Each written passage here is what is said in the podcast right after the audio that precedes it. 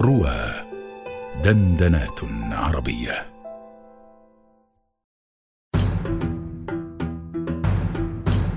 القصائد الرمضانية مع محمد حجاج على رواه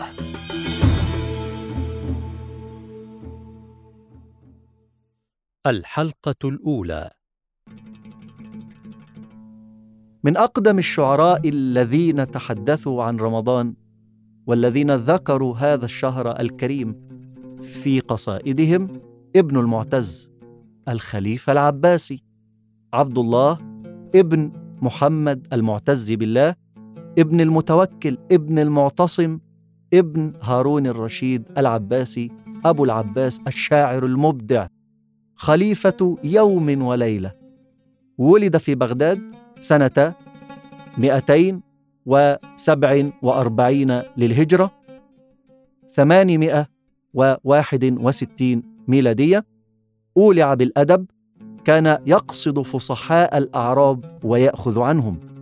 جاءت نكبته من حيث يسعد الناس آلت الخلافة في أيامه إلى المقتدر العباسي استصغره القادة فخلعوه. وأقبلوا عليه فلقبوه المرتضى بالله. بايعوه بالخلافة. أقام يوما وليلة. وثب عليه غلمان المقتدر فخلعوه. وعاد المقتدر فقبض عليه وسلمه إلى خادم له اسمه مؤنس فخنقه وللشعراء فيه مراث كثيرة.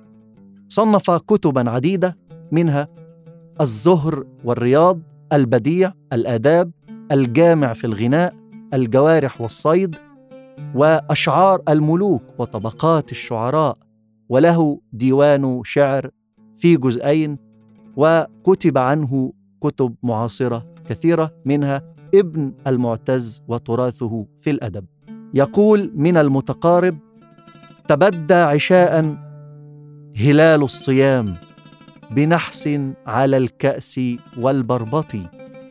فكم من فتى راح بين القيان نشوان ذا فرح مفرط.